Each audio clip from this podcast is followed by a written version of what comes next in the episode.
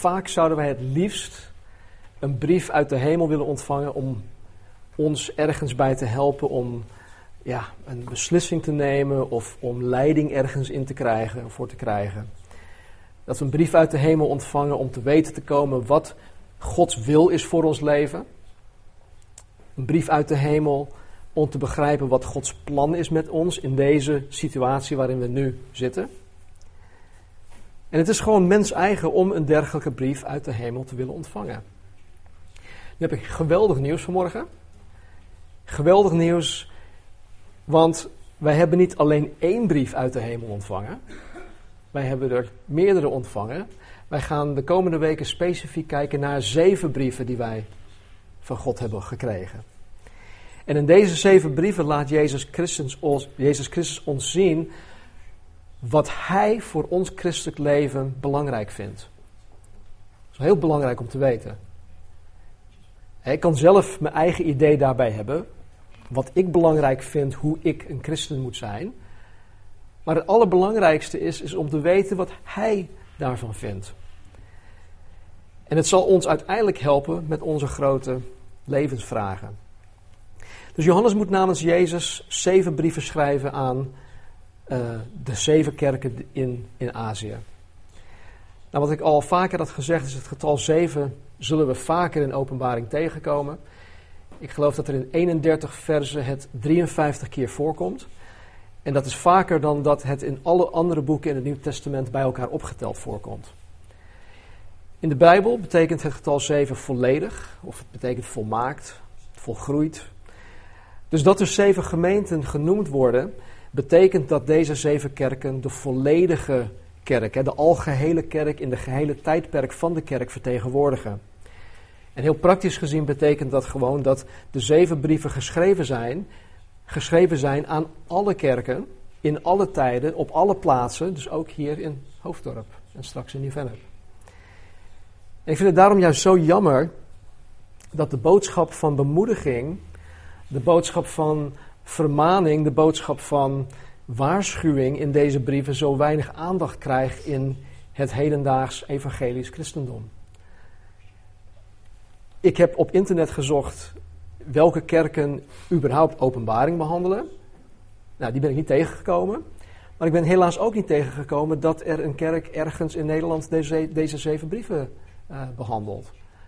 Althans, niet op, ik heb het niet op het internet gezien. Dat, dat betekent dus niet dat het niet bestaat, maar tegenwoordig staat alles wel op het net. Nou, ik ben ervan overtuigd dat heel veel van de problemen en het kwaad die zich in de hedendaagse kerk afspeelt, een direct gevolg zijn van het negeren van de instructie van Christus aan deze zeven gemeenten. Ik heb vanmorgen geen slides. Dat is omdat ik uh, vanmorgen een, uh, een, slechte start heb, gemaakt. Uh, dus mijn excuses daarvoor. Maar volgende week zal ik het goed maken. Um, ik had in, in de vorige studie al aangegeven dat de zeven kerken echte kerken zijn. Het zijn echte kerken in, echt, in echte steden. En het, ging dan om de, of het gaat dan om de kerk in Efeze, in Smyrna, in Pergamus, in Thyatira, Thyatira in Sardes, Philadelphia en in Laodicea. Hier zou eigenlijk een slide moeten komen, maar dat uh, hou ik jullie te goed. Ja, het was rond het jaartal 95, 96 na Christus dat het Bijbelboek Openbaring geschreven werd. En op dat moment kreeg de gehele kerk ja, ze kregen een heel zwaar te verduren. Onder allerlei oppositie. Er was gevaar, zowel van, van binnen in de kerk zelf, maar ook van buiten de kerk. Het feit dat de apostel Johannes op het moment, op het moment van schrijven de enige uh, apostel was die overgebleven is. En dat hij dus door keizer Domitianus verbannen was naar het eiland Patmos. Dat geeft al aan dat de christenen op alle fronten uh, vervolgd werden. de openbaring, waarvan deze zeven brieven dus een deel uitmaken, was door Jezus gegeven om de vervolgde kerk, de verdrukte kerk, de verdrukte christenen te bemoedigen. Ze zijn aan ons gegeven om ons te bemoedigen. Om hun hoop te geven, hun te troosten. En om de kerk in Efeze vooral en de andere zeven kerken hun eindstand te laten zien, of de eindstand te laten zien, waarin Jezus de uiteindelijke overwinnaar is. En ondanks dat wij in anno 2016 hier in het Westen eigenlijk niks te maken hebben met vervolging, hebben ook wij bemoediging nodig. Ook wij hebben hoop nodig. Ook wij hebben troost nodig. En ook wij moeten onze blik richten op de eindstand. En daarom is openbaring in het algemeen en deze brieven in het bijzonder ontzettend relevant voor ons. Ik had uh, een aantal weken geleden hadden wij in ons leiderschapsteammeeting het over ehm, het ervaren van strijd als je preken aan het voorbereiden bent. Nou, nu weten jullie dat ik de eerste paar maanden, de eerste drie maanden, bijna vier maanden niet gesproken heb, of weinig gesproken heb, omdat Ralf het uh, voor me overnam en ook Casper. Dus ik had een soort van minder strijd, geestelijke strijd. Ralf die had het juist heel zwaar, die had juist heel veel strijd. En nu ik weer begonnen ben, moet ik zeggen dat ik eigenlijk heel verbaasd was dat ik de eerste paar weken dus heel weinig geestelijke strijd had ervaren. Maar ik was, dan, was er al veel te, te, te gauw mee om me, om me daarover te gaan verblijden. Want afgelopen week was het gewoon weer raak. En het zijn, het, ik, ik, geloof zelf dat het juist omdat het om de, deze brieven gaat, dat het, ja, dat het de Satan, onze vijand, niet zint, omdat er juist zo'n sterke boodschap in zit van Jezus Christus voor ieder van ons. Dus het zijn voor ons brieven uit de hemel. En Jezus sluit elke brief af met deze woorden. Hij zegt: Wie oren heeft, laat hij horen wat de geest tegen de gemeenten zegt. In de Bijbel, in de gewone taal, staat het als, als dit, als zo. Laat de woorden van de Heilige Geest goed tot je doordringen. Laat de woorden van de Heilige Geest goed tot je doordringen. Nou, jullie weten, in hoofdstuk 1, vers 19 is de indeling van openbaring. Jezus zegt: Schrijf nu op wat u hebt gezien, wat is en wat hierna zal geschieden. De eerste drie zondagen hebben we besteed aan wat Johannes had gezien. Dat is, Johan, dat is openbaring hoofdstuk 1. Vanmorgen beginnen we aan het onderdeel wat is. Dat wil zeggen de tijdperk of het tijdperk van de gemeente, de kerk. En daar beginnen we vanmorgen dus mee. Dus laten we onze Bijbels openslaan op openbaring hoofdstuk 2. Schrijf aan de engel van de gemeente in Efeze. Dit zegt hij die de zeven sterren in zijn rechterhand houdt die te midden van de zeven gouden kandelaren wandelt. Ik ken uw werken, uw inspanning en uw volharding. En weet dat u slechte mensen niet kunt verdragen en dat u hen op de proef hebt gesteld, die van zichzelf zeggen dat zij apostelen zijn, maar het niet zijn. En dat u hebt ontdekt dat zij leugenaar zijn. En u hebt moeilijkheden verdragen en volharding getoond. Om mijn naam hebt u zich ingespannen en u bent niet moe geworden. Maar ik heb tegen u dat u uw eerste liefde hebt verlaten. Bedenk dan van welke hoogte u bent gevallen en bekeer u en doe de eerste werken. Maar zo niet, dan kom ik spoedig bij u en zal uw kandelaar van zijn plaats wegnemen, als u zich niet bekeert. Maar dit hebt u voor, dat u de werken van de Nicolaïten haat, die haat ik ook, of die, ik, die ook ik haat. Wie oren heeft, laat hij horen wat de geest tegen de gemeenten zegt. Wie overwint, hem zal ik te eten geven van de boom des levens, die te midden in het paradijs van God staat. Tot zover. Vers 1. Jezus spreekt hier tot Johannes. Schrijf aan de engel van de gemeente in Efeze. Dit zegt hij die de zeven sterren in zijn rechterhand houdt, die te midden van de zeven gouden kandelaren wandelt. Jezus spreekt hier direct tot Johannes. En hij beveelt hem om aan de engel van de gemeente in Efeze te schrijven.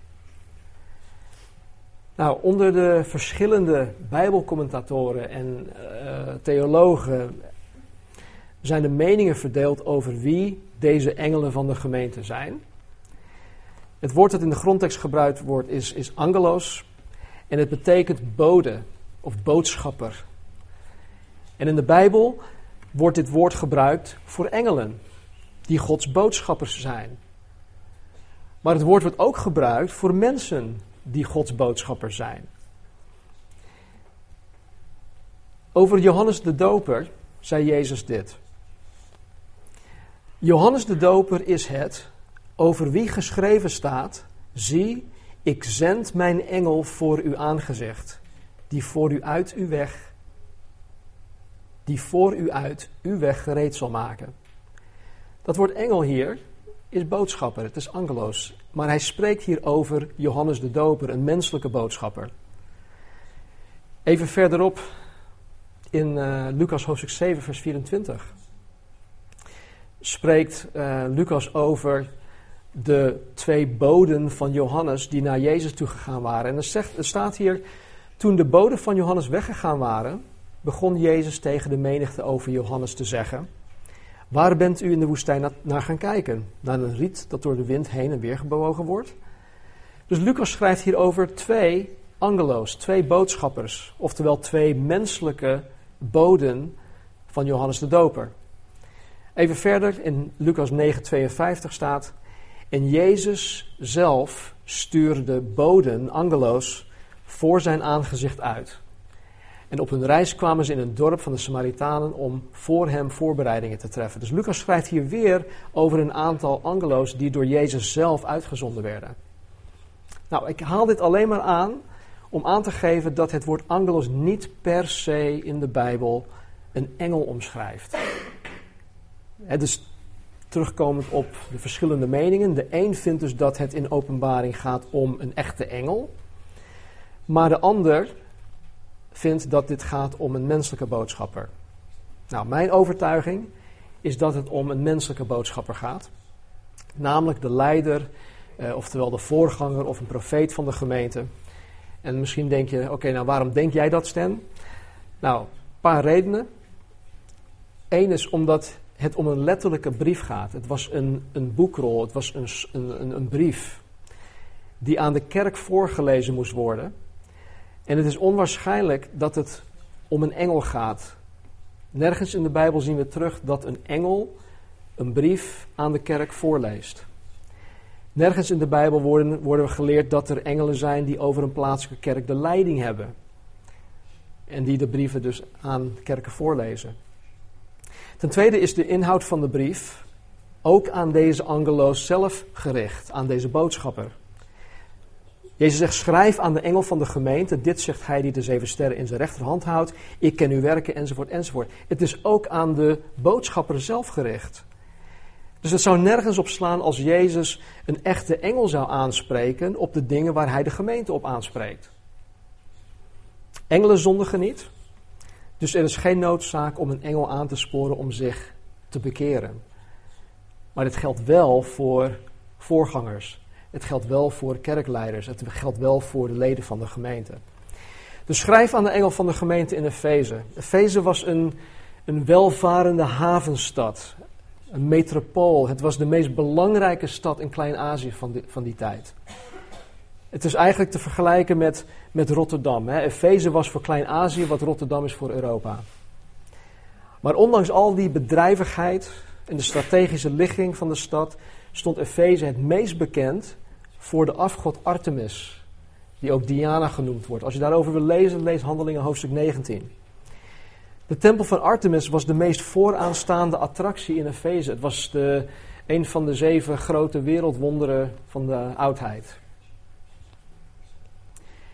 En naast alle dagelijkse immorele festiviteiten rondom de tempel, bood de tempel ook nog eens bescherming voor criminelen. Jaarlijks hielden de Efeziërs een maand lang durend festival ter ere van deze Artemis, deze Diana, waarin sportevenementen eh, gehouden werden, uh, drama en muziek speelden daarin ook een hele grote rol. En terwijl deze activiteiten zich in, af, in Efeze afspeelden, hoorde men vanuit de stad wat er op het terrein van de tempel gaande was. Het, het rumoer van, van um, feestende Artemispriesters, tempelprostituees, eh, bankieren, eh, criminele muzikanten, danseressen, dat was van ver al te horen. Efeze stond gewoon bekend voor haar immoraliteit en voor heidense afgoderij. Maar het mooie ervan is dat midden in deze samenleving was een groep trouwe christenen. En Jezus schrijft deze brief aan deze groep mensen. Jezus die de zeven sterren in zijn rechterhand houdt, die te midden van de zeven gouden kandelaren wandelt.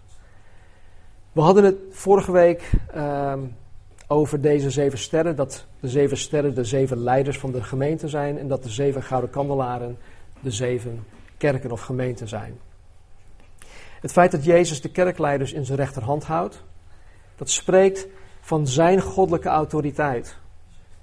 De kerkleiders zijn niet alleen veilig in zijn rechterhand, en ze zijn niet alleen onder zijn controle, maar ze zijn ook het eigendom van Jezus Christus. En wat, wat, ik, ja, wat ik hierin zo mooi vind, is dat Jezus Christus, het hoofd van de gemeente, te midden van zijn kerk is. Hij wandelt te midden van de gouden kandelaren. De verheerlijkte Heere is in de kerk. Hij is hier. En hij zegt, vers 2, ik ken uw werken, uw inspanning en uw volharding en weet dat u slechte mensen niet kunt verdragen en dat u hen op de proef hebt gesteld, die van zichzelf zeggen dat zij apostelen zijn, maar het niet zijn, en dat u hebt ontdekt dat zij leugenaar zijn. Jezus weet waarmee de kerk in Efeze zich bezighoudt. Het woord voor kennen in dit geval, de Bijbel kent twee woorden voor kennis in het Nieuw Testament. Maar het woord voor kennen in dit geval betekent een volledige en een volmaakte kennis van zaken.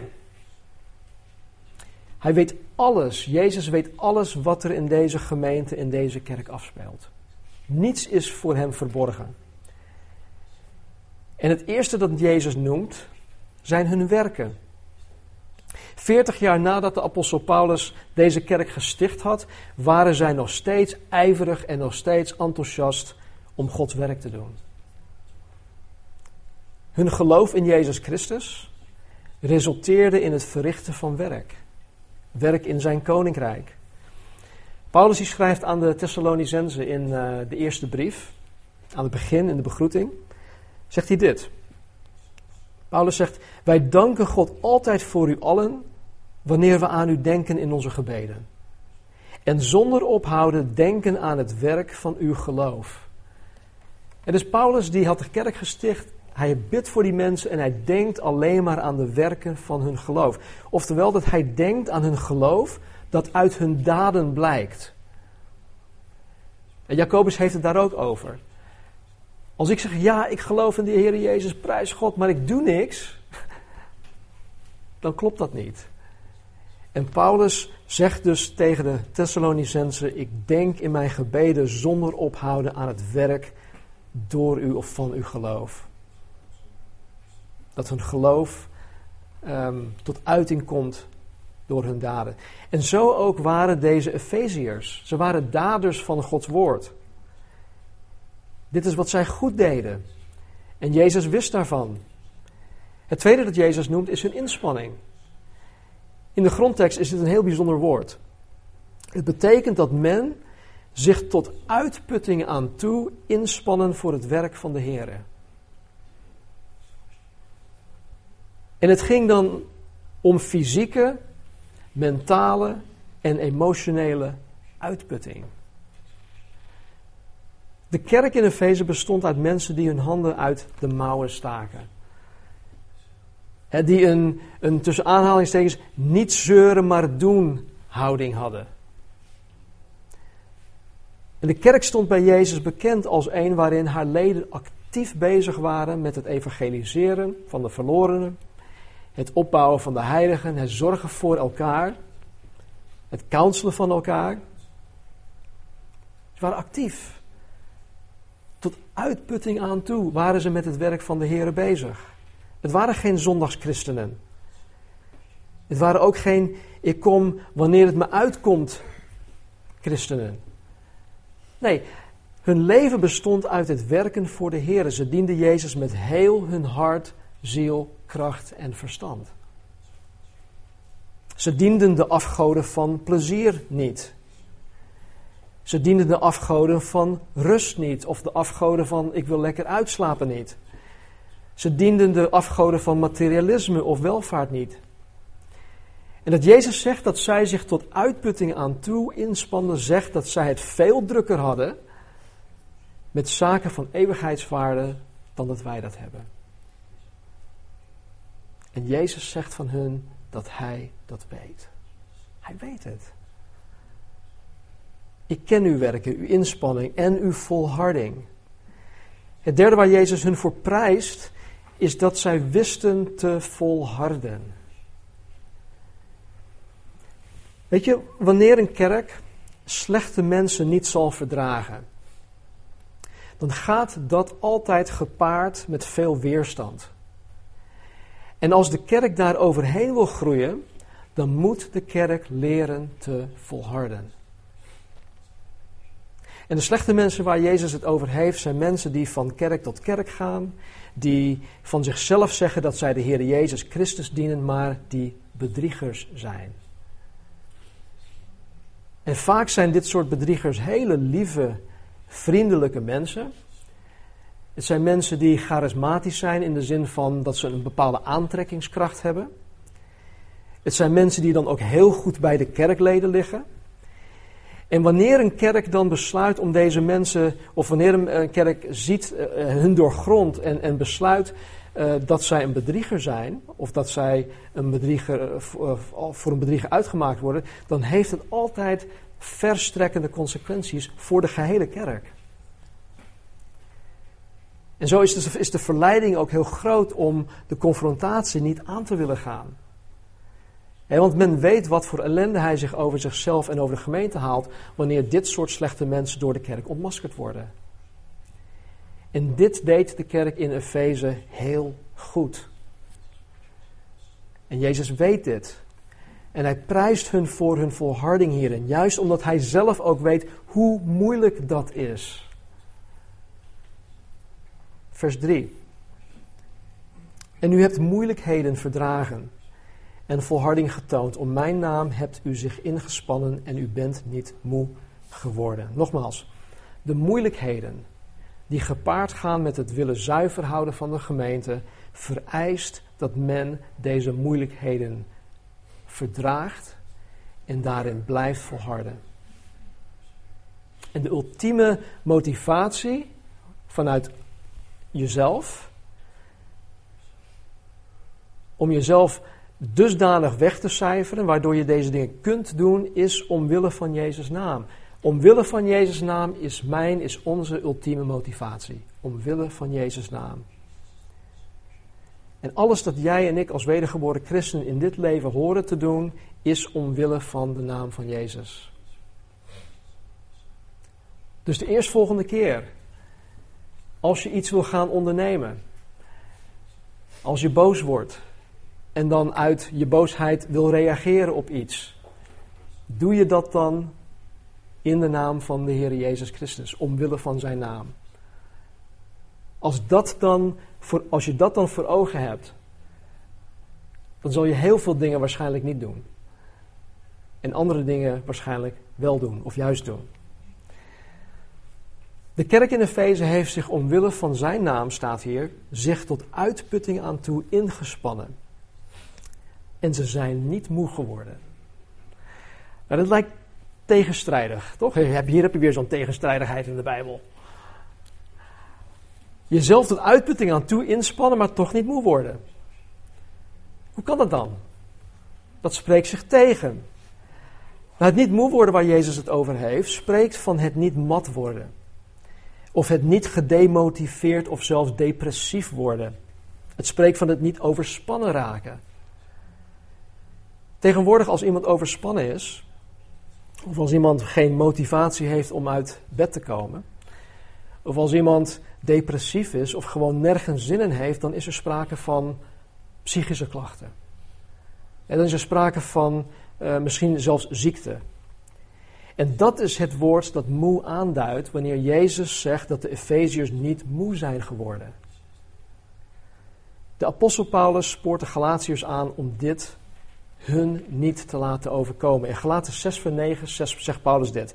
Laten wij niet moe worden goed te doen. Laten wij niet moe worden goed te doen, want te zijner tijd zullen wij oogsten als wij het niet opgeven. Volharding. Jezus geeft hier dus aan dat het mogelijk is om jezelf dusdanig in te spannen dat je lange dagen maakt, dat je lange uren draait, dat je jezelf tot uitputting aan toe voor hem inspant en jezelf toch niet voorbij zal lopen. Jezus zegt dat dat mogelijk is. In Jesaja 40, vers 31, een geweldig vers, dit is uit de Groot Nieuwsbijbel. Wie hopen op de Heer, vinden steeds weer nieuwe kracht. Ze zijn onvermoeibaar als adelaars. Van het lopen raken ze niet uitgeput, van het rennen worden ze niet moe. En de kerk in Efeze had dit ondervonden, ze hadden dit ontdekt. En was daardoor een zeer actieve, een proactieve kerk. En ik denk dat als deze kerk, in, de, Efeze, de eh, kerk in Efeze, als deze kerk hier in het hoofddorp zat, dan zouden wij waarschijnlijk allemaal daar gaan kerken. Of daar willen kerken. Het was zo'n gemeente. Maar ondanks al het goede dat deze kerk aan het doen was, ondanks hoe goed het er van buiten allemaal uitzag, ontbrak er iets. En Jezus zegt dit. Maar ik heb tegen u dat u uw eerste liefde hebt verlaten. Sommige mensen zeggen: Oh ja, ik heb mijn eerste liefde verloren. Of ik ben mijn eerste liefde kwijtgeraakt. Nee. Kijk, zometeen zullen we ook zien dat, dat Hij ons oproept om ons te bekeren. En dat wij weer terug mogen gaan. Als ik iets heb verlaten, dan weet ik waar ik het achtergelaten heb. Als ik iets kwijt ben of verloren ben, waar moet ik het, waar moet ik het vinden? Ik heb geen flauw idee waar ik, het, waar ik het heb achtergelaten. Waar ik het kwijt ben geraakt.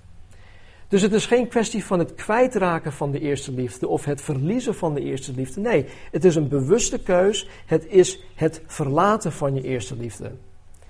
En hij zegt: Ik heb tegen u dat u uw eerste liefde hebt verlaten. En als Jezus iets tegen je heeft, dan is dat een zeer ernstige zaak. Horen wat de geest tot je te zeggen heeft.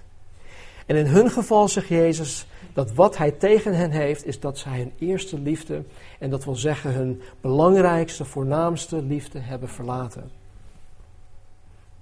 Kijk, het was natuurlijk niet zo dat zij helemaal niet meer van de Here hield, of hielden. Maar de onvoorwaardelijke, onbegrensde liefde en passie voor Jezus hadden zij verlaten.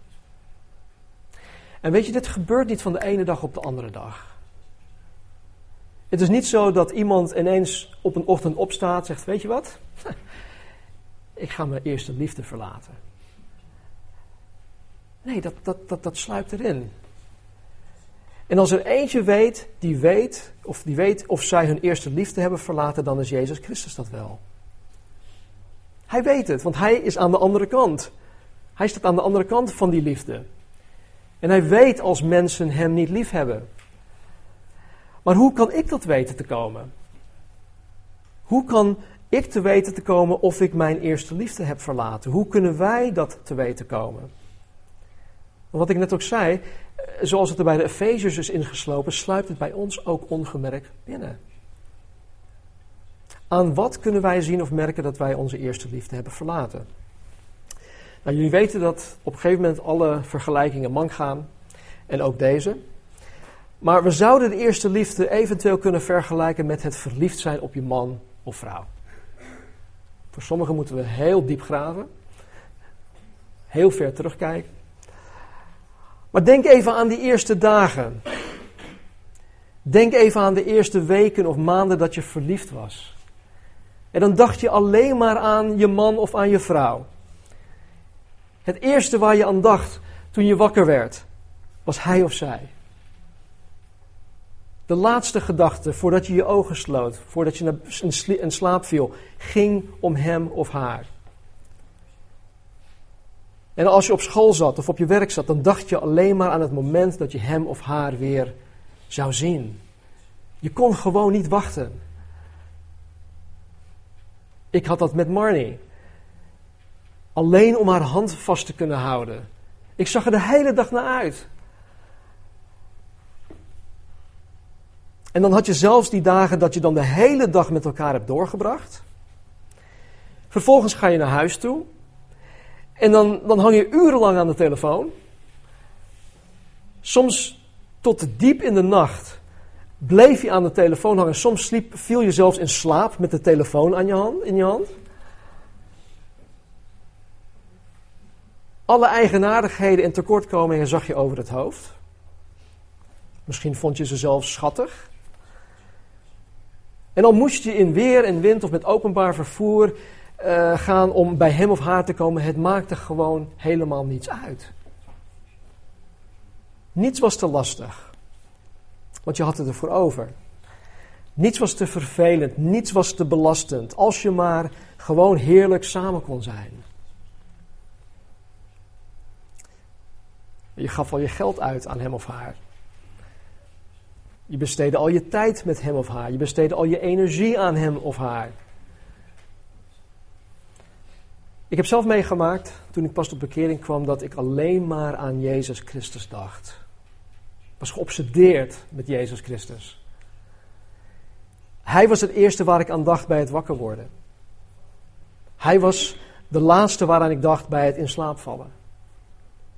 Ik wilde alleen maar tijd met Jezus Christus doorbrengen in gebed. Door in mijn Bijbel te lezen, door naar preken te luisteren, door met medegelovigen op te trekken. door op elke samenkomst, samenkomst er te zijn en om, om te dienen. Ik kon er niet genoeg van krijgen. Alle eigenaardigheden en tekortkomingen van de kerk en de mensen in de kerk waar ik in diende, die zag ik gewoon over het hoofd. Ik zag ze gewoon niet. Waarom? Omdat het maakte, het maakte mij gewoon niets uit. Ik hield van Jezus en ik wilde Hem behagen. En niets was mij te lastig. Al betekende het dat ik structureel minder ging slapen, hè, vroeg, eh, vroeg op, uh, later naar bed. Niets was voor mij vervelend of belastend. Waarom? Omdat ik van Jezus hield. En waar ik voorheen mijn geld uitgaf aan het uitgaan of aan het uiteten of weekenden weg, gaf ik ineens mijn geld uit aan de kerk of aan mensen die hulp nodig hadden. Of als ik ergens een nood zag, oh man, dan gaf ik mijn geld daaraan uit. Niets was mij te veel. Niets was mij te lastig, niets was mij te belastend, niets was mij te vervelend. Ik hield simpelweg van Jezus Christus. Dat is opwekking. Ik ben blij dat ze dit weekend opwekking vieren. En ik bid ook dat God en Jezus Christus daar echt centraal zal staan. Maar dit is opwekking. Ik ervaarde een opwekking in mijn leven. Het ging om Jezus. Ik hield van Jezus. Ik hou van Jezus. En Jezus stond bij mij in alles op de eerste plaats. En weet je, dat maakte mijn leven gewoon geweldig. Ik leefde zorgeloos. Want ik hield van Jezus. Dat is alles wat, wat voor mij belangrijk was. Nou, door de jaren heen heb ik gemerkt dat ik van tijd tot tijd mijn eerste liefde heb verlaten.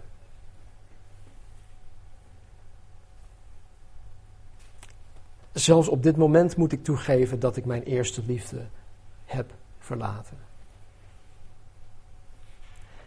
Kijk, natuurlijk houd ik van Jezus. Natuurlijk dien ik Hem en deze kerk onvermoeibaar. Maar soms betrap ik mezelf op het, op, op, op, op het dingen doen voor Hem. Gewoon in, in plaats van het besteden van mijn tijd met Hem. En wanneer ik mijn eerste liefde verlaat, dan is dat vooral te merken in hoe ik mezelf opstel tegen anderen. En vooral thuis. Marnie die is de eerste die het altijd weet. Ja, want ik ben minder verdraagzaam. Ik ben minder genadig. Ik ben minder liefdevol, minder vergevingsgezind. Ik ben ook minder vrijgevig. Ik ben meer egoïstisch. Alles draait om mij. Dat ik het fijn zal vinden, dat ik het fijn zal hebben. Dat er naar mij geluisterd wordt. Ik vertrouw mensen minder. Ik ga op kleine dingen letten die, anders, die ik anders totaal niet zie. Ik ga me afvragen of ik wel zoveel tijd en energie in de kerk moet stoppen. Ik ga focussen op wat jullie dan allemaal niet doen. Ik ga focussen op dingen die eigenlijk moeten gebeuren, maar die niet gebeuren. Het is dus funest om mijn eerste liefde te verlaten. Want het uit zich niet alleen in mijn tekort aan liefde voor Jezus, maar vooral in mijn tekort aan de tastbare liefde voor mijn naaste. En vandaar de oproep van Jezus. Hij zegt: Bedenk dan van welke hoogte u bent gevallen en bekeer u en doe de eerste werken. Maar zo niet, dan kom ik spoedig bij u en zal uw kandelaar van zijn plaats wegnemen, als u zich niet bekeert. De waarschuwing geldt voor een ieder. En Jezus zegt dat wij nu op dit moment in onze gedachten terug moeten gaan naar de tijd wanneer Jezus Christus het allerbelangrijkste in ons leven was.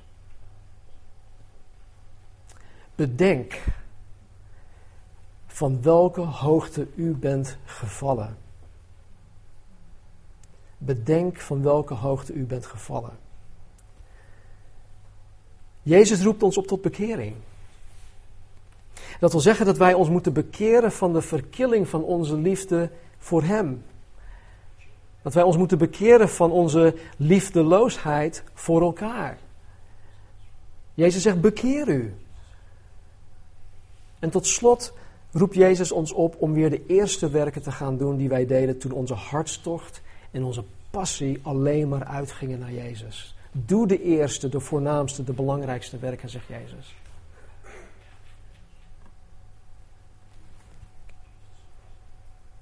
Jezus doet er alles aan om de Efeziërs op te roepen tot bekering. Hij is soms heel erg geduldig met hen. Maar als zij zich niet willen en gaan bekeren, dan zijn er gevolgen voor die kerk. Jezus zegt, maar zo niet, dan kom ik spoedig bij u en zal uw kandelaar van zijn plaats wegnemen, als u zich niet bekeert. Jezus bedoelt hier niet bij zijn wederkomst. Maar dat hij al eerder, veel eerder, zijn oordeel zal vellen over deze plaatselijke kerk in Efeze. En Jezus bedoelt niet dat de individuele christenen hun redding zouden verliezen, maar dat Jezus hun kandelaar, dat wil zeggen hun kerk, van zijn plaats zal wegnemen. Met andere woorden, als zij zich niet bekeren, dan zal Jezus er zelf voor zorgen dat deze kerk ophoudt te bestaan. En helaas hebben de Efeziërs zich uiteindelijk niet bekeerd, waardoor niets van deze kerk is overgebleven. Sterker nog, de hele stad Efeze bestaat nu niet meer.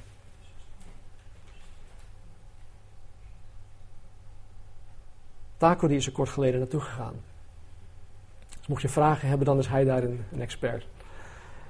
En maar als je nu naar, uh, volgens mij heet dat plaats Selçuk, die plaats, ja, die plaats heet Selçuk in Turkije. Als je daar naartoe gaat, dan zie je alleen nog maar een aantal ruïnes van wat ooit Efeze was.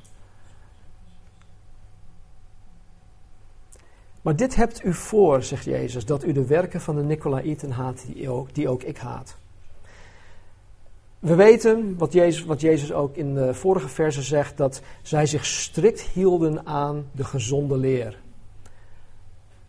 Paulus zei ook in Handelingen 20, hij riep de, de oudsten bijeen, hij waarschuwde hun voor de wolven, die zelfs vanuit hun eigen gelederen zou opstaan om de kerk te verslinden, om de kudde te verslinden. Dus zij waren daarop van de hoogte. Zij, zij waren gewoon alert op dat soort onheil. Dus zij hielden zich strikt aan de gezonde leer. En dat zij, ze waren gewoon alert voor valse broeders en zusters. Maar de Bijbel zegt gewoon te weinig over deze Nicolaïten om precies te weten wie zij waren. Maar hoe dan ook, Jezus haatte hun werken. En de Efeziërs haten ze ook. En Jezus zegt dat dat is goed. Deze Nicolaïten worden weer genoemd in de brief aan uh, de kerk in Pergamus.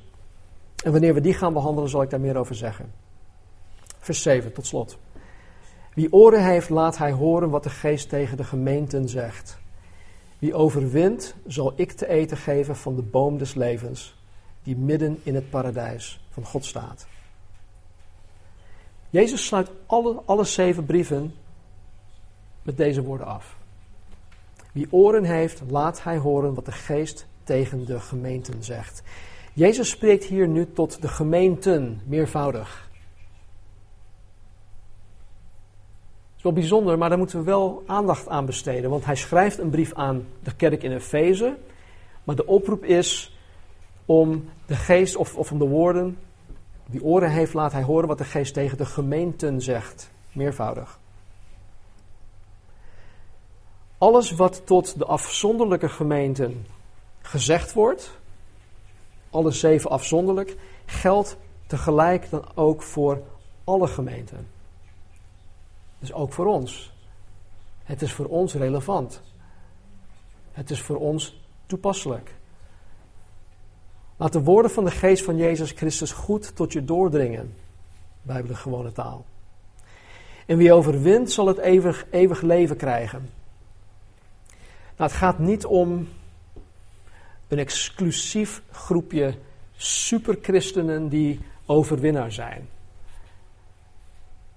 Het gaat niet om mensen die denken van, ja, ik ben een overwinnaar. Ik. Nee, het gaat hier om gewone, wedergeboren christenen die van Jezus houden met heel hun hart, ziel, kracht en verstand. Johannes, dezelfde schrijver van de Openbaring, zegt in zijn eerste brief: Wie anders is het die de wereld overwint dan hij die gelooft dat Jezus de Zoon van God is?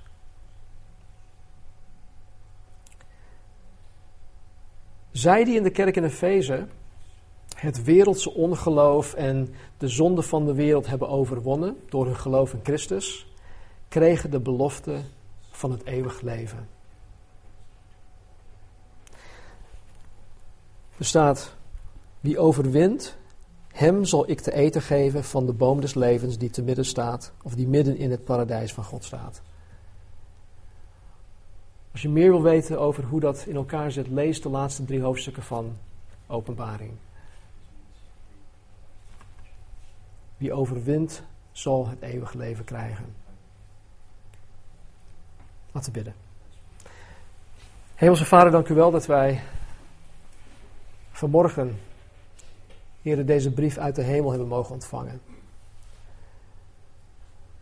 Dank u wel, God, dat u zo ver bent gegaan om uw Zoon Jezus Christus aan ons te geven. Om in onze plaats, Heer, onze straf op zich te nemen. De straf die wij verdienen. En Heer, dat wij op dit moment, wij die Jezus navolgen, wij die in Hem geloven, Heer, niet alleen gerechtvaardigd zijn, niet alleen geheiligd worden, maar dat Paulus zelf zegt in zijn brief aan de Romeinen dat wij nu al verheerlijkt zijn. Dat is onze positie, Heer. Dank u wel daarvoor. En ik dank u, Heer, dat wanneer wij op dat moment, Heer, voor u mogen staan, Eerder dat het nergens anders over zal gaan dan het feit dat mijn naam, dat onze namen in het boek des levens staan, geschreven. En Heer, het enige oordeel die wij zullen ontvangen is over de werken die wij in Christus hebben gedaan. En we zullen beoordeeld worden over die werken. Heer, we zullen daarover ook beloond gaan worden. En Heer, ik dank u dat u, ja, dat u uw genade hebt gegeven. Heer, het is zo wonderbaarlijk. U schenkt ons genade waardoor wij tot geloof in Jezus Christus mogen komen. U hebt goede werken voorbereid voor ons, voor de grondlegging van deze wereld.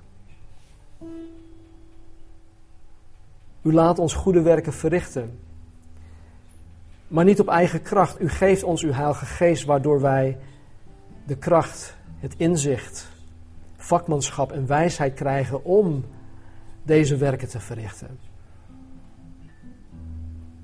En vervolgens, Heer, haalt u ons tot uzelf in de eeuwigheid. En dat u dan zegt, goed gedaan, trouwe slaaf. Hier uiteindelijk bent u degene die dit allemaal doet. Eer, het is te wonderlijk voor woorden. Dank u wel. En Heere God, vergeef mij, vergeef in ieder van ons alstublieft. Voor het verlaten van onze eerste liefde. Trek ons, Heere, naar u toe. Breng ons weer terug. Schenk ons bekering.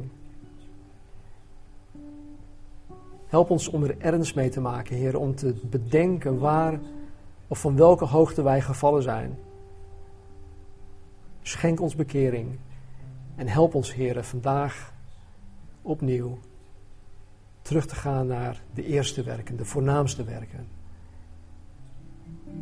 En dat is om U, Heer, lief te hebben met heel ons hart, ziel, kracht en verstand. Alle inspanningen en alle werken tot uitputting aan toe, Heer, betekenen niets als wij U niet lief hebben. Dus breng ons terug naar die liefde. Trek ons naar U toe. Wees ons genadig. Omwille van Uw naam. De naam boven alle namen. De naam van Jezus Christus. Amen. Amen.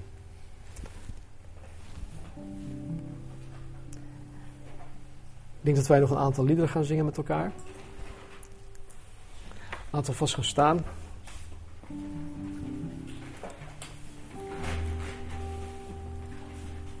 Dezelfde schrijver van Openbaring zegt in zijn eerste brief in 1 Johannes 4, vers 19 dit. Wij hebben Hem lief, omdat Hij ons eerst lief had. Mijn liefde voor Hem is, is, een, is een respons op Zijn liefde voor mij.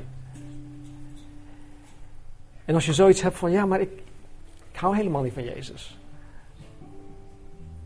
Dan zeg ik, laat God jou Zijn liefde zien. Open je hart voor Hem. Vraag Hem om Zijn liefde aan jou te tonen. En dan garandeer ik je, de enige gezonde respons die jij kan geven, is dat je van Hem gaat houden. Laten we zingen.